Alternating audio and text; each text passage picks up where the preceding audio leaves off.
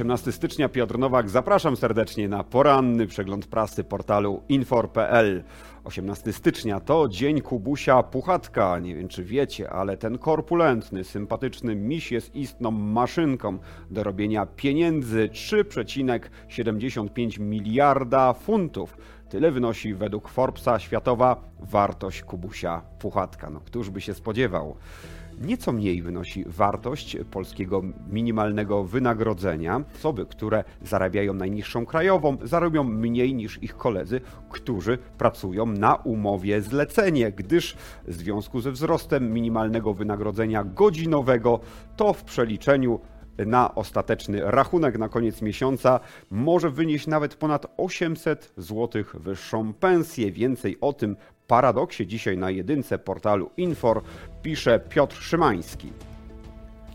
Niezwykle ciekawe rzeczy dzieją się w polskim sektorze spółdzielczym. Mm, przykład y, z góry wzięty. Pamiętamy, jak kiedyś była reasumpcja głosowania w Sejmie, gdyż musimy powtórzyć to głosowanie, bo jeszcze przegramy. Słynne słowa Elżbiety Witek. Podobnie sobie powiedzieli y, panowie w sektorze spółdzielczym, a chodzi o Zygmunta Paśnika, wiceprezesa KRS, czyli Krajowej Rady Spółdzielczej, mm, który dowiedział się, że nie został delegatem na zjazd wyborczy, a zatem jego koledzy zdecydowali, że głosowanie zostanie powtórzone. Więcej o naprawdę zadziwiających i jednak zasmucających informacjach sektora spółdzielczego w dzisiejszym temacie dnia w dzienniku Gazecie Prawnej pisze Marek Mikołajczyk. O 7,3% w ciągu ostatnich 6 lat spadła liczba spółdzielców. Bacząc na te doniesienia, trudno się dziwić. Dla kibiców y, Ligi Mistrzów. Niezwykle ważnym dniem jest wtorek, a następnie środa, natomiast dla kadrowych Liga Mistrzów zaczyna się w czwartek, y, albowiem dzisiaj kadrowy w czwartek w dzienniku Gazecie Prawnej, a tu między innymi zadziwiająca informacja o tym, y, co wymyślił ZUS. Zakład Ubezpieczeń Społecznych chce, aby osoba, która wykonuje niezarejestrowaną działalność gospodarczą, była objęta składkami, takimi jakimi jest objęty na przykład pracownik. A zatem dochodzi do sytuacji kuriozalnej, w której na przykład uczeń, który pobiera korepetycje, staje się pracodawcą. Ja nie wiem, czy impreza noworoczna w zakładzie jeszcze się skończyła, czy nadal trwa. To był dziennik Gazeta Prawna. Polska fabryka Dela, znajdująca się pod Łodzią, jako pierwsza wyprodukowała serwery chłodzone cieczą. W te urządzenia zostanie wyposażony niesamowity komputer, którego moc obliczeniowa odpowiada pracy wszystkich ludzi przez 24 godziny przez kolejne 4 lata. Także nasza fabryka w naszym kraju może się przyczynić do nieprawdopodobnego skoku technologicznego na świecie. To dzisiejszy puls dnia.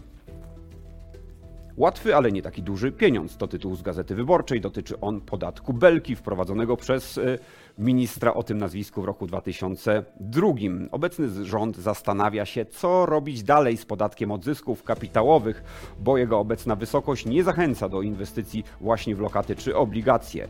Nie możemy pozwalać na to, aby mieszkania były uznawane za lokatę kapitału, która jest pozbawiona opodatkowania, mówi Krzysztof Kukucki, wiceminister rozwoju z Lewicy.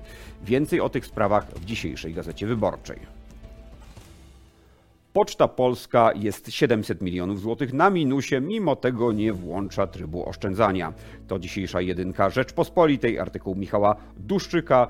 Instytucja, która od kilku lat nie jest w stanie zapewnić swoim pracownikom wynagrodzeń wyższych niż wynagrodzenia minimalne, wydaje pieniądze lekką ręką, a to kontrakt z Biedronką na 5 milionów złotych, w ramach którego no, praktycznie nic się nie zadziało, a to wynajęcie e, hali pod Grodziskiem Mazowieckim, która to hala stoi pusta. Mm, także no, w znakomitych humorach zarządy Poczty Polskiej, w nieco gorszych pracownicy. Parkour. To niezwykle skomplikowane akrobacje wykonywane w przestrzeni miejskiej. Jednym z zawodników jest Ole Mar Marian Jönsen, norweski akrobata, który wykonuje nieprawdopodobne figury w przestrzeni publicznej, skacząc między budynkami, kiedy jest na dole przepaść licząca kilkanaście czy kilkadziesiąt metrów, czy robiąc salta nad betonowym murkiem, następnie stawając na dwie nogi, patrząc na wyczyny e, Jensena, zastanawiam się, e, z czego to wynika. Czy po prostu Norwegia Mm, wykształca ludzi, którzy, którym brakuje zwykłej realności i poczucia niebezpieczeństwa, e, czy też chodzi tutaj o mm, jakąś skrajnie narcystyczną osobowość, czyli przekonanie, że nieszczęścia spotykają wszystkich, tylko nie mnie samego. Z tym osądem Was e, zostawiam. Warto popatrzeć na to, co robi Jensen, bo są to naprawdę imponujące rzeczy, choć cholernie niebezpieczne. Dziękuję serdecznie za dzisiejszy poranny przegląd prasy portalu infor.pl. Kłaniam się, Piotr Nowak.